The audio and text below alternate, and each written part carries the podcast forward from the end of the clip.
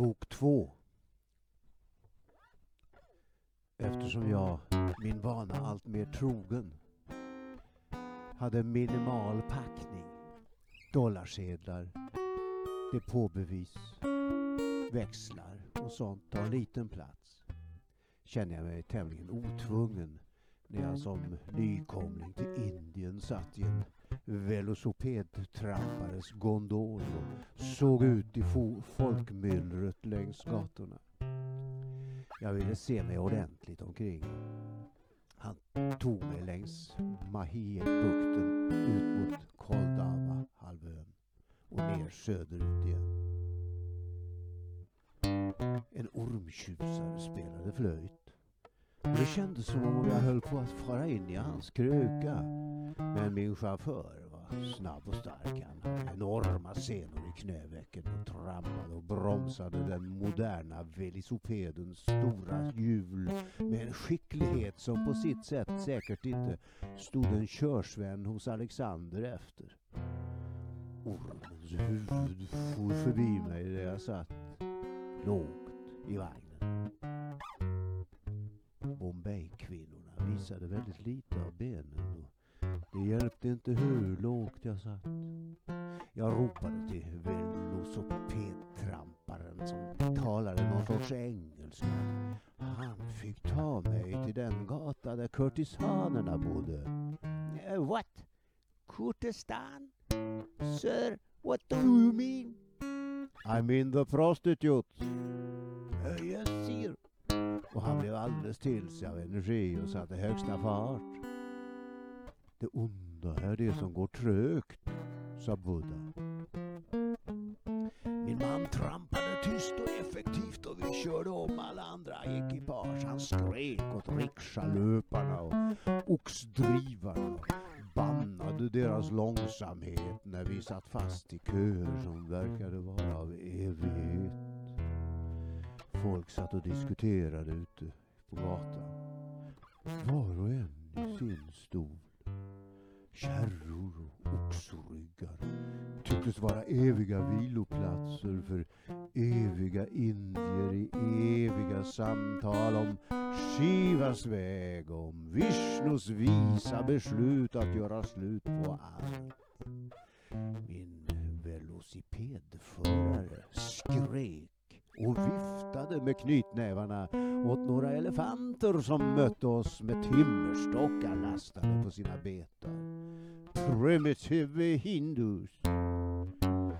Han var nog lite excentrisk förstod jag. Inga andra betedde sig som han. Hans brådska var nästan grotesk före sin tid. Hans benmuskler vibrerade när han satte igång att trampa. Efter att ha suttit fast i en kö av vita kor pruttade han och ett berg av muskler satte igång att arbeta. Jag fick se bordellerna. Där stod de mest förtjusande unga kvinnor och där fanns de mest beklagansvärda existenser. Ångrade att jag hade bett honom köra mig dit. Jag förstod plötsligt inte var jag hade fått den ingivelsen ifrån. Turn around, ropade jag. I want to go to the hotel. To hell! No, to the hotel! hojtade jag med en röst som jag inte kände igen.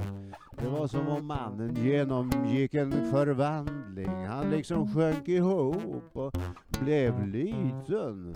Jag kan svära på att hans senor i knävecken krympte ihop och musklerna förtvinade inför mina ögon. Några flickor kom fram till vagnen och visade sina behag.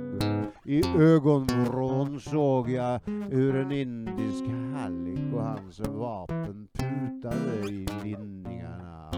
Inte långt från honom stod ett gäng välbeväpnade, turbanklädda hårdingar som såg ut som sikher eller gurkas med vassa sablar och korruptionen för heligaste heliga principer var total. Varenda rupi de lyckades klämma av besökare till dessa oheliga platser och bar dem till Maharadjan av de heliga lärorna och lade för hans fötter och hoppades på befrielse. För kvinnorna som var kvar nere på gatorna fanns bara en sorts befrielse. Döden på fel sida av vattendragen. Jag ville snabbt till hotellet och den svala vattenbegjutningen i de svala kakelhallarna som jag lärde mig uppskatta här och som jag behövde för att inte svettas ihjäl och bli uppäten av flugorna som hängde som moln över varje ko som betade ris på trapporna. Men den buddhistiska velocipedtramparen hade tappat geisten helt och det gick oändligt långsamt tillbaka till civiliserade anglosaxiska kvarter. Till slut var vi framme och jag tackade honom för transporten och betalade honom vad han ville ha. Han fick inte mer än han begärde, men heller inte mindre. I Indien, skrev jag till dem där hemma, är där varmt och det här är inte som vi är vana vid från Kalmar, några kostängsel. Korna är heliga och jag tror att koskiten också är helig. Det kommer fram en guru eller en indisk kvinna som behöver bränsle till sin ugn och skottar upp den så snart den fallit som använder torkad koskit här som både byggnadsmaterial och bränsle berättade jag för dem. Jag skrev några rader om sultanen av Gujarat och hans palats vars själva omfång imponerade och som ingalunda var byggt av koskit och berättade om det urbanas ursprung i det förhistoriska. Om hur jag tog mig till Calcutta med tåg och den rent otroliga trängsel som rådde på järnvägsstationen där tusentals heliga män låg och sov och tycktes bo i väntan på tåg som skulle gå om två år. Jag kikade på de engelska världshärskartempel i romersk stil, sammanfognade av cement, där imperiebyggarna skötte sina mustascher. Man talade om en storhetsgalen handelsman som skulle bygga det nya Delhi och inbillade sig att det skulle gå att få indiernas huvudstad flyttad dit. Mustascherna gungade i skrattsalvornas fläkt. Anglosaxiska fläkt. En sådan dåre. Jag sökte upp skandinaverna och de berättade om hur saker och ting fungerar. Och man kunde balansera mellan engelsmännen och indierna gick allt som smort. Kunskaper och praktisk energi hade de alla bruk av. Det gällde bara att akta sig för att hjälpa fel människor. Behoven var så stora att det gällde att hjälpa rätt. Annars kunde man stå där med fler fiender än någonsin förr. En man från Jönköping berättade för mig om maktsituationen i den indiska industrin. Han sa att alla visste det, att alla utgick från det. Nepotismen var lag och mutan legio. Här kom ett sällskap skandinaver som ville få något gjort. Eh, stopp där! Har avgiften till gudarna erlagts först? Av gudarna. Alla gudarna. Även till icke-gudarna. Eh, vi gottskriver Maharajan av Jabal era gudomliga subsidier. Hjälper det verkligen? Ja, det kan du lita på. Vill du känna på skillnaden mellan att vara fattig och rik har du en mycket fin möjlighet här. Det gällde att lära sig den religiösa mutningens gyllene principer. Annars kunde man rent av hitta sig själv med en punkterad hjärtmuskel och ett urblåst vara. Förutom att vara utfattig. Det gällde att vara försiktig bland de bengaliska tigrarna. Det kunde denne smålänning berätta för mig. Han sa att jag förresten fick kalla honom Småland. Det gjorde man lite till mans i svensk koloni nu redan. Han tyckte det lät rätt så skönt och bra. Kalla mig gärna Småland. Jag blir påmind om något vackrare än mig själv då, sa han och visade sina något ankomna tänder när han log. Det var något som hände här. Tänderna kunde bli dåliga. Mm, kanske var därför hinduerna borstade tänderna överallt i varenda vattensamling. Jag lärde mig också borsta mina tänder mycket noggrant genom att umgås med Småland. Jag fick också en mycket stor respekt för de mycket små bakterierna i Indien och kokte allt jag åt och drack. Småland visade hur man kunde göra stora och små misstag.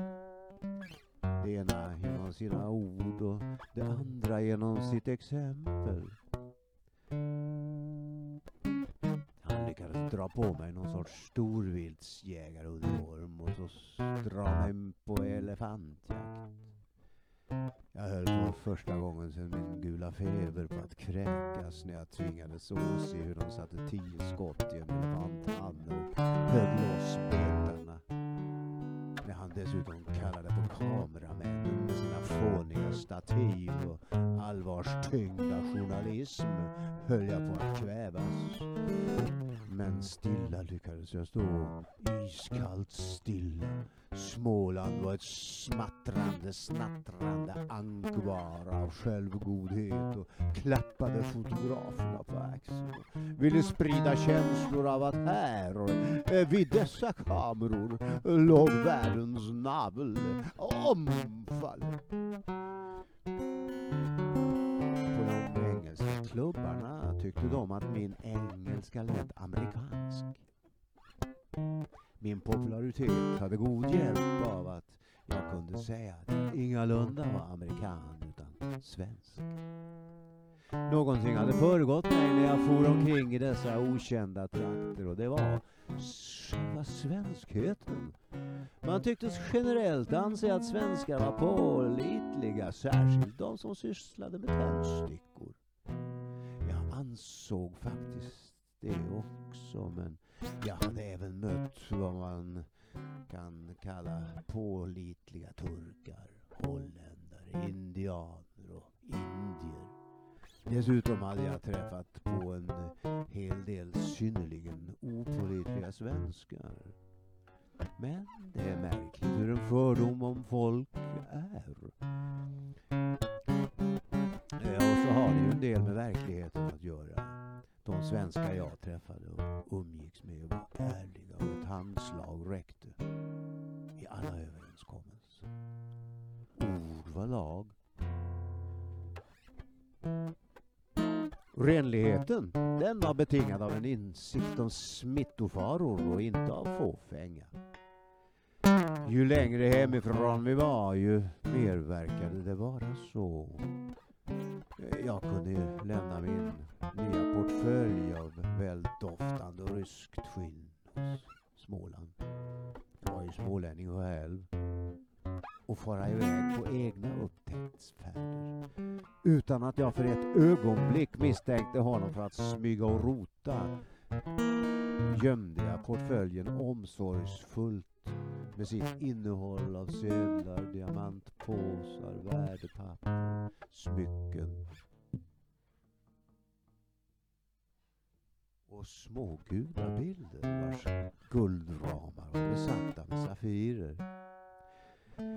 Jag kände att hans betjäning också respekterade min egendom men mina bryderier hur att finna de bästa gömställena var mig en lek. Och jag kunde ibland dra snören och hänga portföljen utanför fönstret eller gömma den uppklamrad under sängbottnen. Ju mer jag for omkring i världen ju mer kom jag att lära mig var det är tryggt och säkert någonstans. Jag kallar det känslomässig realism. Jag ville veta hur saker och ting stod omkring mig. Inte för att jag var orolig eller så utan mer för sakens, själva sakens skull.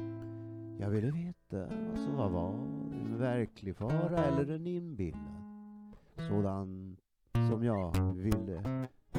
Jag ville naturligtvis inte bli bestulen. Särskilt medan jag alltid bar på mig vad mina vänner tyckte var alldeles åt skogen för mycket kontanter.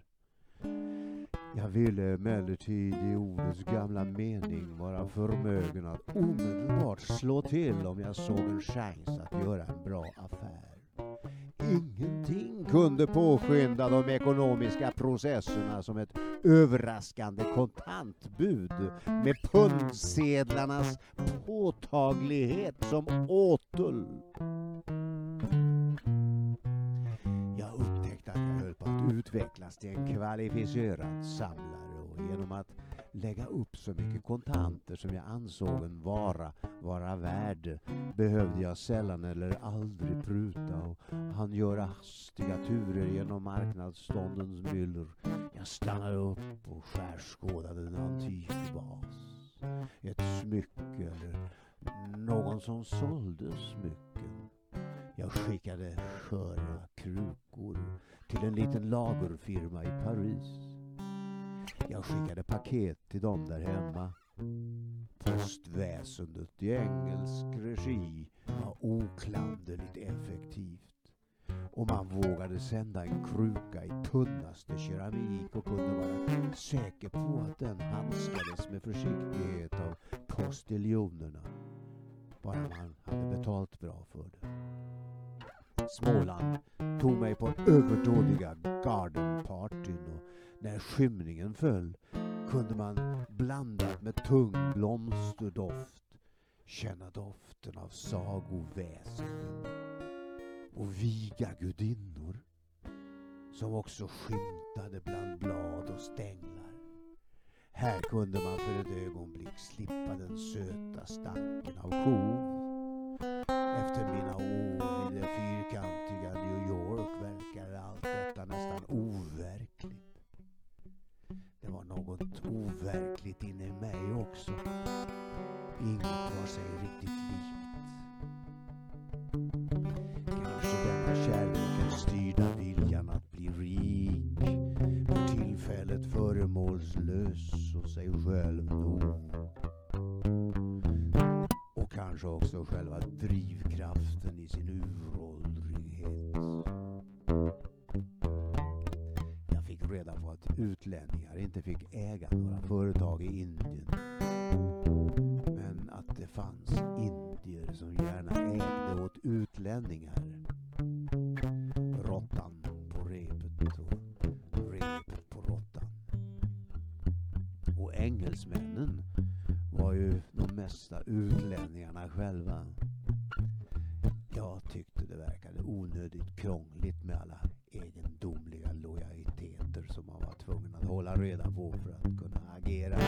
någorlunda fritt.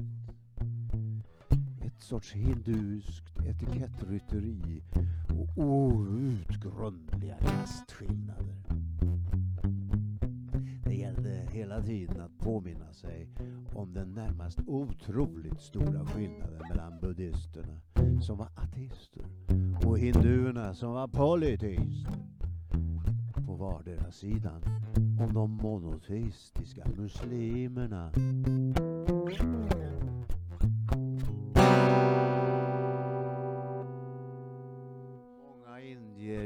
Och bar på drömmar om självständighet.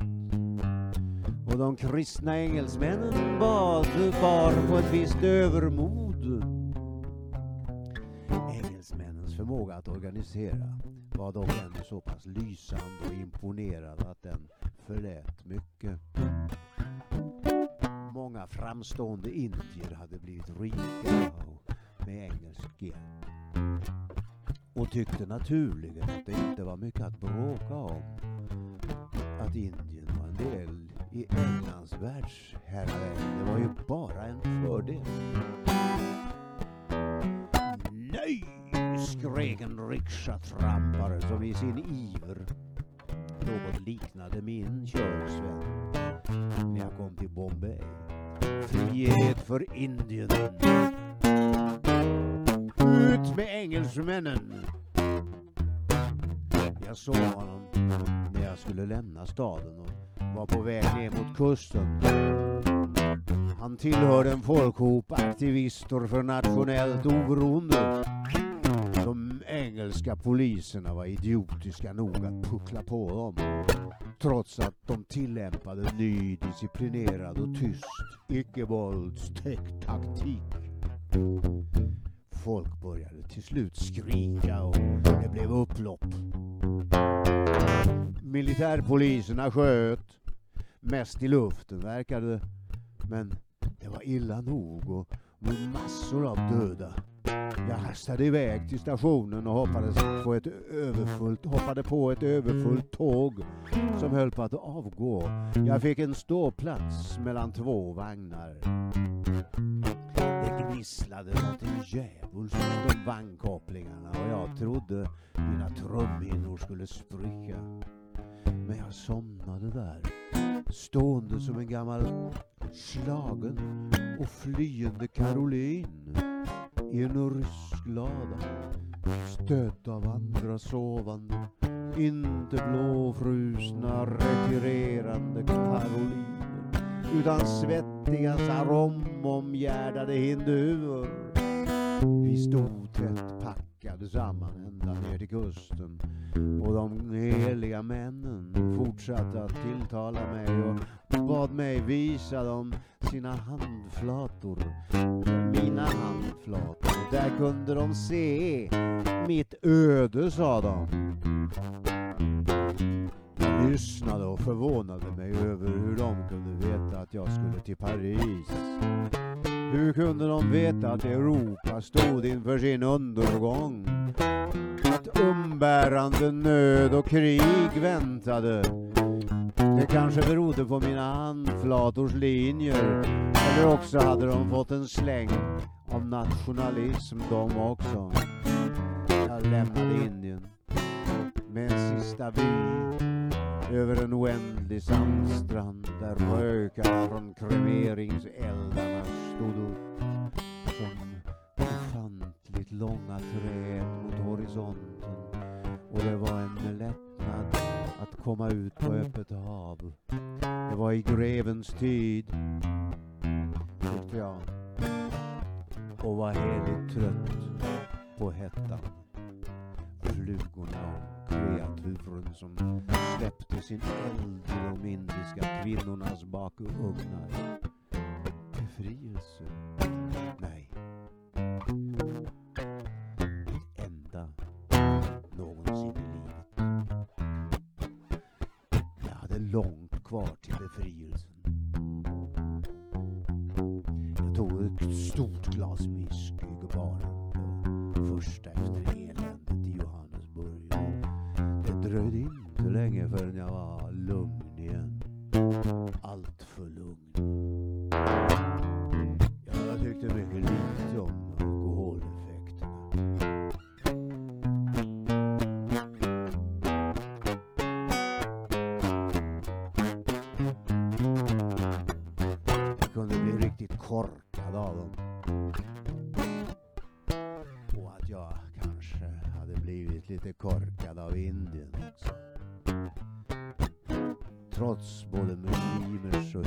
Och nykterhet. Och av att inte ha tänkt på henne på flera dagar. Men nu så pressade tårarna på och jag skyllde på min gamla ögonsjukdom och gick till min hytt. Sjögången liksom gjorde större av spriten. Tårarna slutade rinna och jag återvände till Indien maharaja och fick skatter förlagda framför mina fötter. Vördad som gud och jag skämdes och bad att få vara i fred. Gudinnorna kom, erbjöd mig sina yppiga kroppar och den heliga kärleksläran tantra predikades. Giviska strålar kom ur deras ansiktes och huvuds aura. Starka orangefärgade och scharlatans och röda strålar sköt fram ur sakralregionen och solar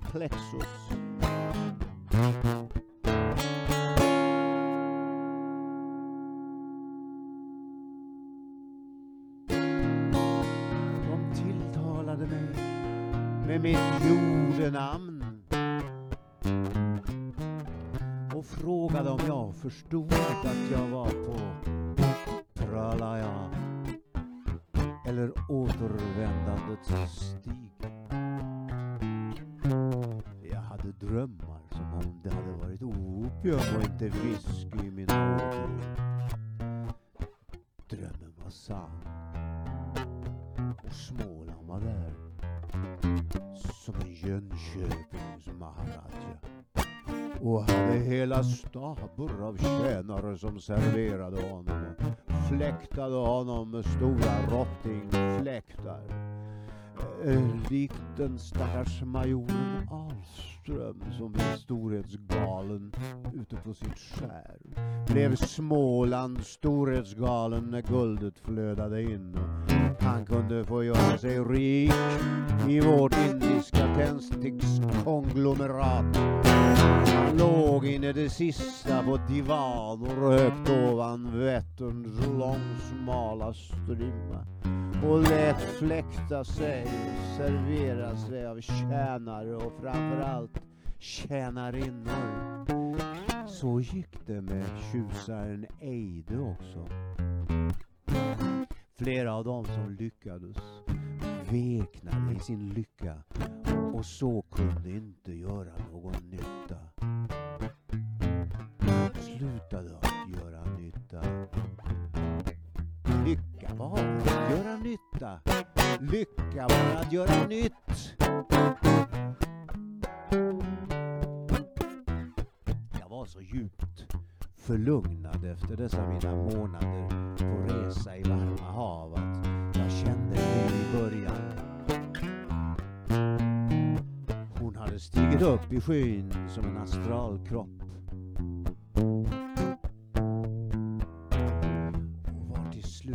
Cirrusmoln och stratosfäriska dimmor. När jag låg där i hytten kunde jag inte ana att det skulle bli som det blev. Vem kunde väl ana att vi skulle ha 30 000 anställda i Indien? Trots att utlänningar inte fick äga företag där.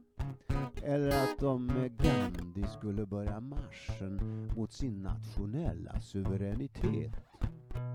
Samtidigt som jag knöt samman en supranationell trust. I övrigt var jag ändå rätt bra på att gissa vad som skulle till att hända. Gällde det valutornas skiftningar mot varandra inga svårigheter att se vartåt det lutar.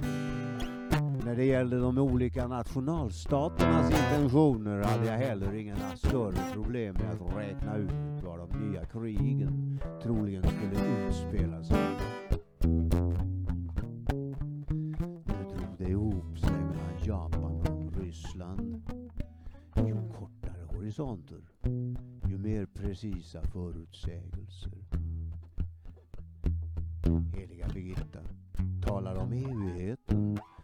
Under det att Elihu Roth talade om nästa demokratiska val och ekonomerna om nästa årsredovisning? Jag var lagom säker där mittemellan på att om man äger fastigheter centralt i en världsstad kan man i fredstider alltid räkna med att fastigheten stiger i värde. Äger man konstverk, till exempel av Rembrandt, kan man räkna med att de istället stiger i värde i krigstider.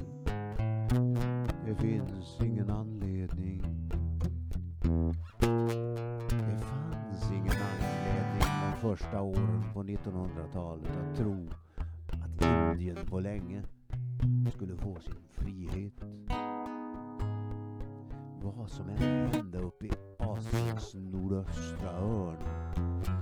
Jag såg en stabilitet som jag trodde skulle hålla i sig en god stund framöver. I största allmänhet. Speciellt när det gällde ekonomi. Kunde jag liksom se in i framtiden. Minst lika bra som en skäggig yogi. Jag kände av ett skeende långt innan det hände. Jag mediterade över denna min förmåga. Även om jag rakade mig mycket noga varje morgon och studerade mitt ansikte i spegeln och lovade mig själv att den min nästan skrämmande förmåga att se in i framtiden skulle sättas i bruk på det ena eller det andra sättet.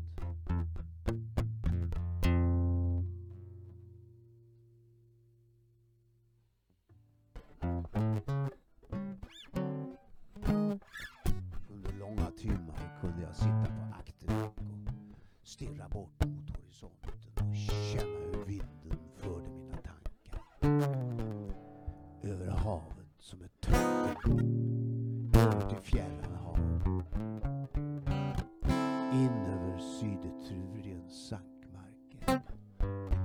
Över Apenniniernas vilda fjälltrakter. Och vidare i ett svep över Hellas udd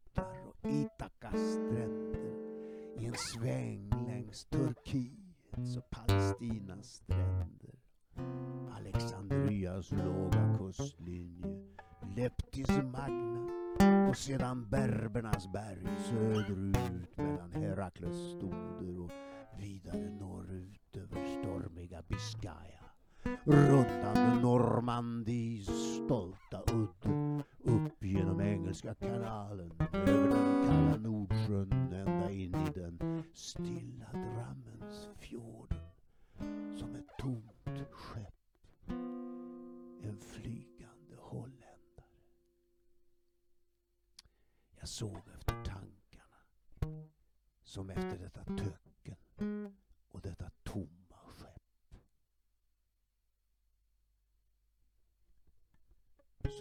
ta tag i skissblocket och göra en anteckning och gå in i ett ämne som jag på allvar börjat intressera mig för.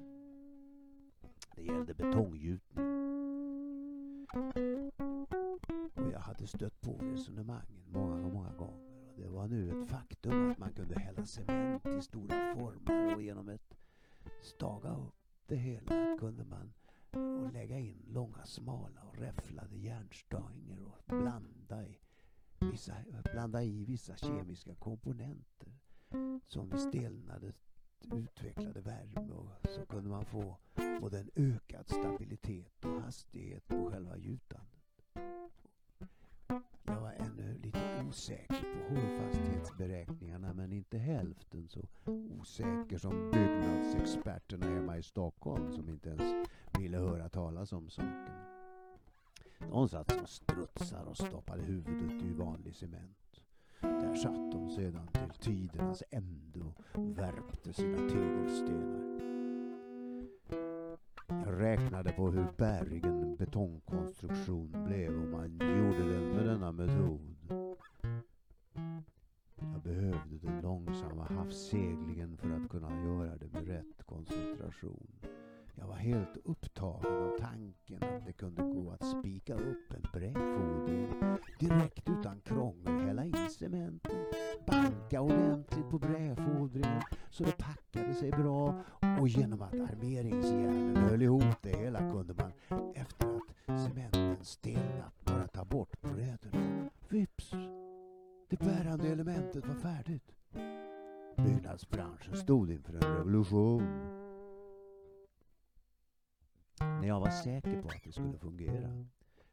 tänkte på vad engelsmännen kallar för tajmingen.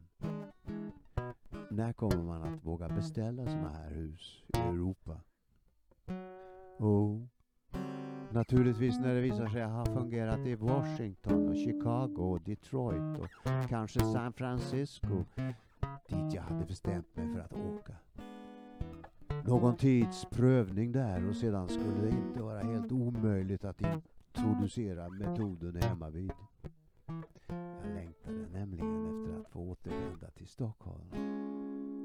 och skönheten inom ständigt räckhåll. Jag kände det som om skönheten var min enda räddning.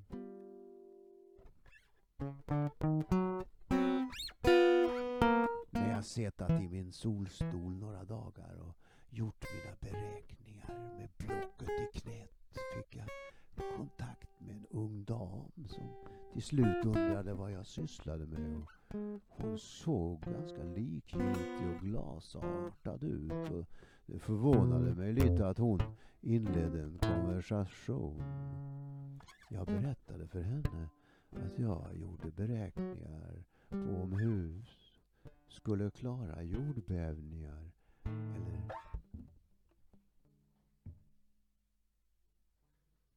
inte. Och hur höga de kunde bli och vilka material det skulle vara i fasader och bärande element. Och hon eh, lyssnade artigt och tyckte det hela lät väldigt spännande. Hon sa att hennes pappa hette Lee och att han var känd i Amerika och att han nog var intresserad av liknande saker och hon hade varit i Indien för att träffa en helig man som hade botat henne från sorgsenhet. Sorgsenhet? Jag ryckte till. Ja, sorgsenhet, sa hon. Och fortsatte. Jag blev oändligt sorgsen efter det att min vackra älskade mamma avlidit. Det var alldeles för tidigt och kom som en chock. Jag var inte beredd och började dricka kopiöst och höll på att gå under. En dag fann jag mig själv i en sådan situation att jag bara visste att jag måste komma bort ifrån alltihop. Eh, jag förstår, sa jag och ville ge henne chans att slippa berätta. Du behöver inte säga mer. Hon hade kommit över alla trösklar redan. Nästa gång vi sågs i vilstolarna verkade hon mycket, mycket gladare och efter en vecka var hon som ett talande vattenfall. Och ibland ångrade jag att jag hade satt igång människor och försökte smita undan. Men vart skulle jag smita? Vi satt där ute på däck och den varma vinden rofsade hennes hår och hon var brunbränd och såg vild ut och hade med ens skalat av all aristokratisk finess. Fin fernissa och vi satt ostörda och hon pratade och pratade. Såg fullkomligt oemotståndligt oskuldsfull ut. Jo, jag vill berätta nu. Jag har inte berättat för någon. Komma bort från alltihop. Det fanns två vägar bort och en ledde till evigheten och tystnaden. Den andra ledde bort till min något annat än universitet, hem och det vanliga livet. Pappa var snäll. Han var djupt sorgsen även han och hade inte något emot att finansiera en jorden runt-resa som jag tyckte jag behövde. Jag behövde inte ens berätta något för honom. Han hade förresten inte trott mig om jag hade sagt som det var. Jag utsatte mig för ohyggliga ting. Jag sökte mig till de värsta barerna och tänkte att jag skulle hitta en döende vän att dö med. Att skära mig med rakblad eller att hoppa från en bro tilltalade mig inte. Jag ville dö mer modernt med utdragna plågor för att straffa mig själv. Det var något i hennes otvungna överklassighet som liksom förlät all frispråklighet. Jag hittade nog både den ena och den andra men jag lyckades inte bli smittad utan hämtades därifrån av en studentkamrat som påstod att han älskade mig. Och han lyssnade inte på mig när jag skrek att han inte skulle bry sig om mig utan han tog mig hem till sig och jag nyktrade till och han bjöd på honungste. Och jag skämdes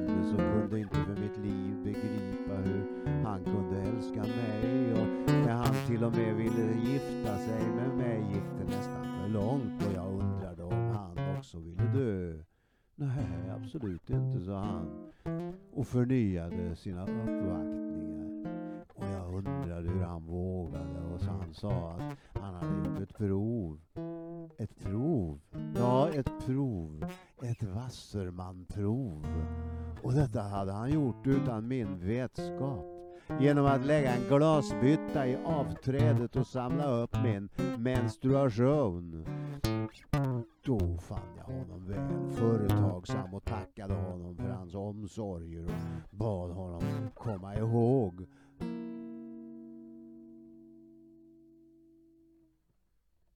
att det inte var syfilis utan tuberkulos jag ville ha och åkte hem till pappa.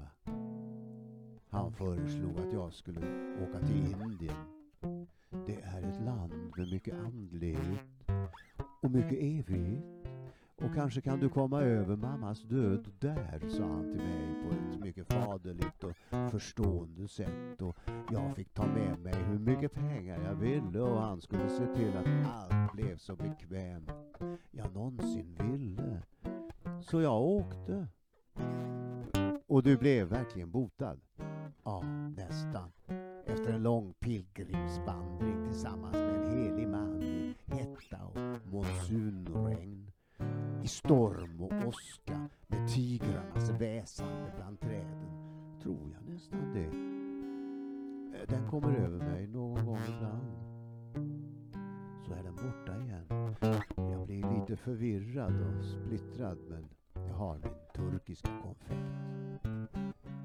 Reste sig ur solstolen och gick till sin hytt. Jag återgick till skissblocket men tänkte på hur menstruationskläder fruktades av de rättvisa och harmoniska knytnävars sällskap som magiska vapen. Sjörövarna var också rädda för kvinnoföremål och för kvinnor överhuvudtaget. Ombord på sina räder in över land tog de dessutom mer för sig. Tog de desto mer för sig av det kvinnliga. Nästa dag var hon tillbaka och vi satt bredvid varandra i våra solstolar och pratade om byggnadskonst och inredningar till dess att vi ytterligare någon vecka senare steg i land Arabien och tillsammans for genom öknar och städer över de gamla bibliska slagfälten och något dammiga kom till Europa bakvägen. Ungefär samma som Napoleon efter sitt egyptiska fälttåg. Hon for vidare till Amerika. Vi ses snart igen, sa jag när vi både mjukt och hårt kramade varandra på kajen i Le Havre. Jag stannade en tid i Paris När jag helt gick upp i att lära mig samtala med vinkännarna om vintillverkning, lagring och temperering på en något poetiskt tillgjord franska. Jag läste igen och igen Voltaire, Baudelaire, Napoleon själv på originalspråk. Jag läste Karl XIIs historia världslitteraturens mest utgivna sekulära verk. Av Voltaire. Jag läste Le Correspondances och jag tillägnade mig en troligen rätt gedigen kunskap om napoleonsk lagstiftning. Code Napoleon och dess egendomliga aktualitet i den franska verkligheten. Eftersom jag redan i gymnasiet blivit fascinerad av Napoleon tyckte jag att det var viktigt att förstå varför det var något så tydligt kultiverat över den parisiska atmosfärens avgörande kännetecken. Religionsfriheten och idémångfalden. Kejsaren stod själv staty på den höga Austerlitzkolonnen på Place Vendôme. Mm. Marskalk Sots ande svävade där. Den ståtliga kolonnen var gjuten av tusen kanoner som tagits i krigsbyte i Ryssland och Österrike efter de stora segrarna i Austerlitz och Jena som marskalken konstruerat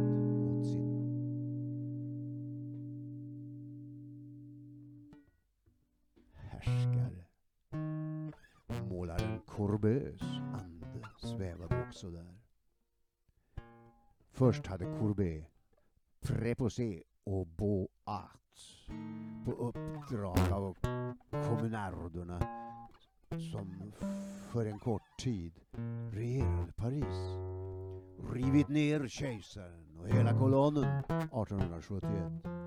Men sedan, när Courbet blivit anklagad för högförräderi och landsförvisad, hans privata förmögenhet och tavlor beslagits med kvarstad, var det denna samlade förmögenhet som bekostade renoveringen. Där svävade John Law över det hela, större gambler än Paganini och Orleans chefbankir. Han hade under 1720-talet för första gången genom historien fått en nationalstat att helt lämna metallerna åt sitt öde och istället fixera valutan i papper. Hans landsbank blåste upp en fantastisk är av optimism längs Mississippi som han sade skulle få större betydelse än sen i framtiden. Den franska regeringen hade redan tidigare prioriterat Frankrikes insatser längs Mississippi.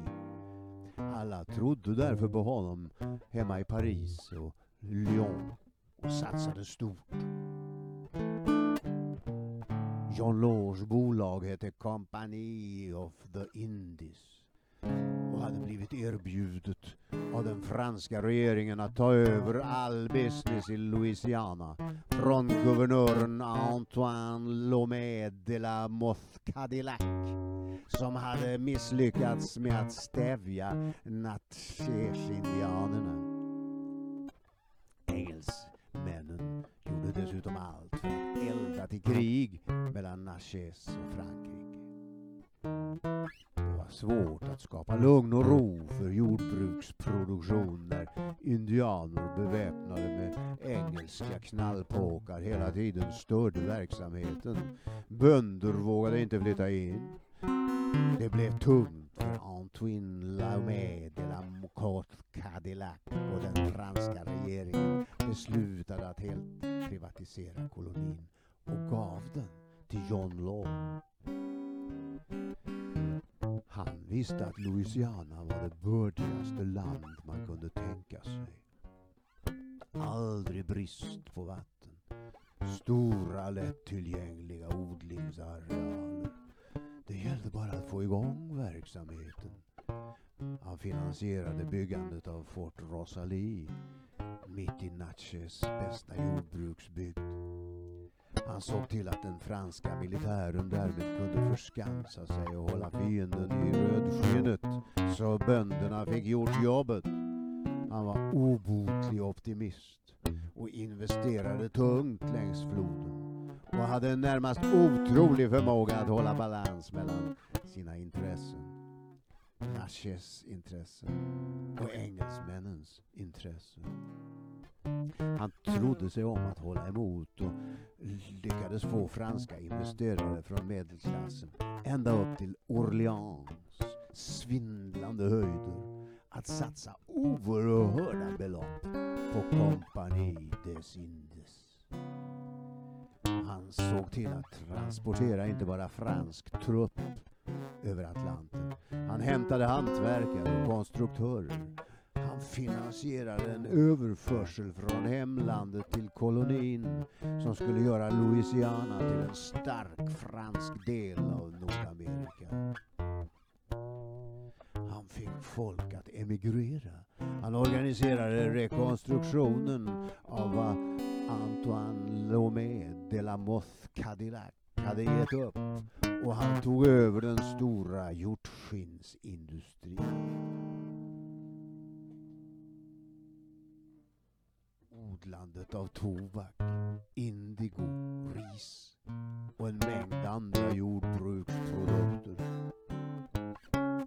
Hur hårt han än satsade, satsade engelsmännen ännu mer på sista krigare.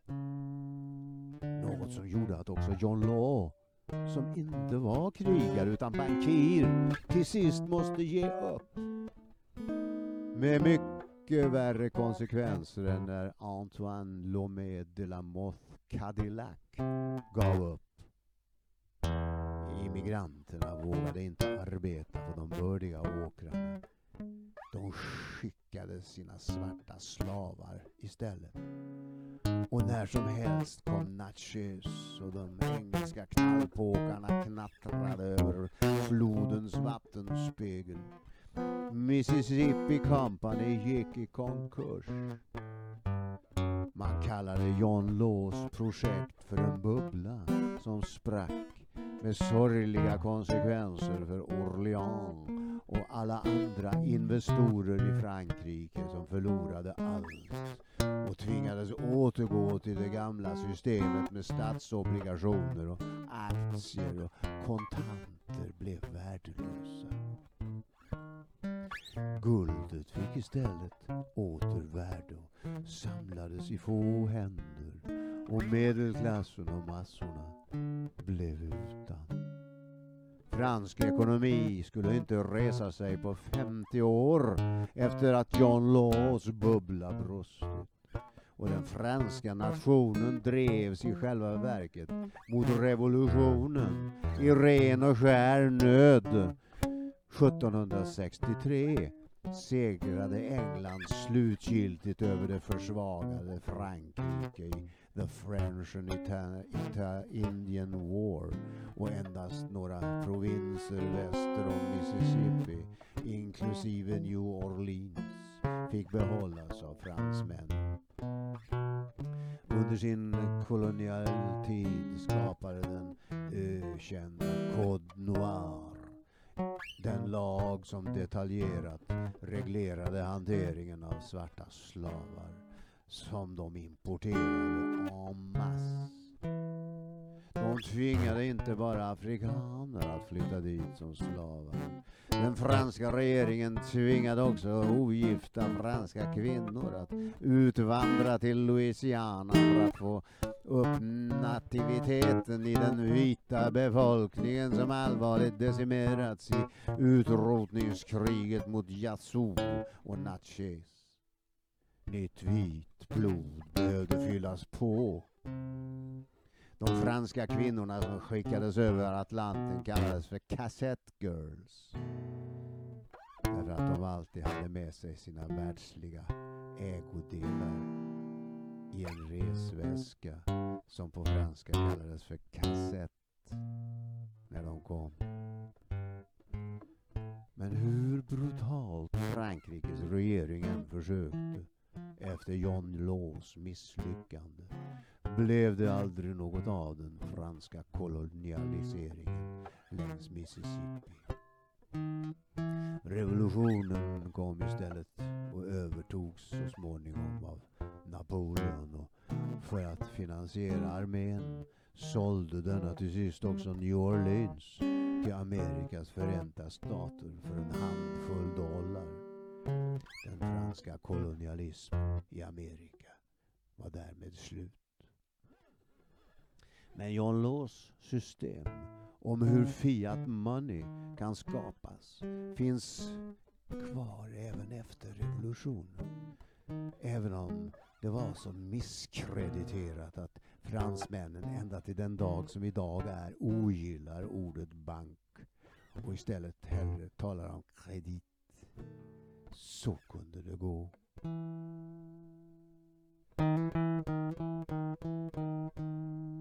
Courbets självporträtt skulle en dag bli mitt.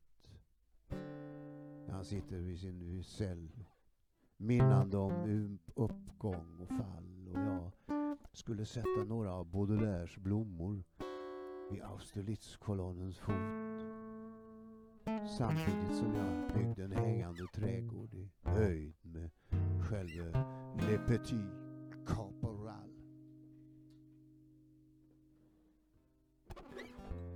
Jag kände från första stunden stor trivsel vid det oktagonala. Med fyra mycket korta sidor och fyra längre. Place Vendôme. Där skulle jag försöka återupprätta begreppet bank med vårt Banque de Suède et de Paris.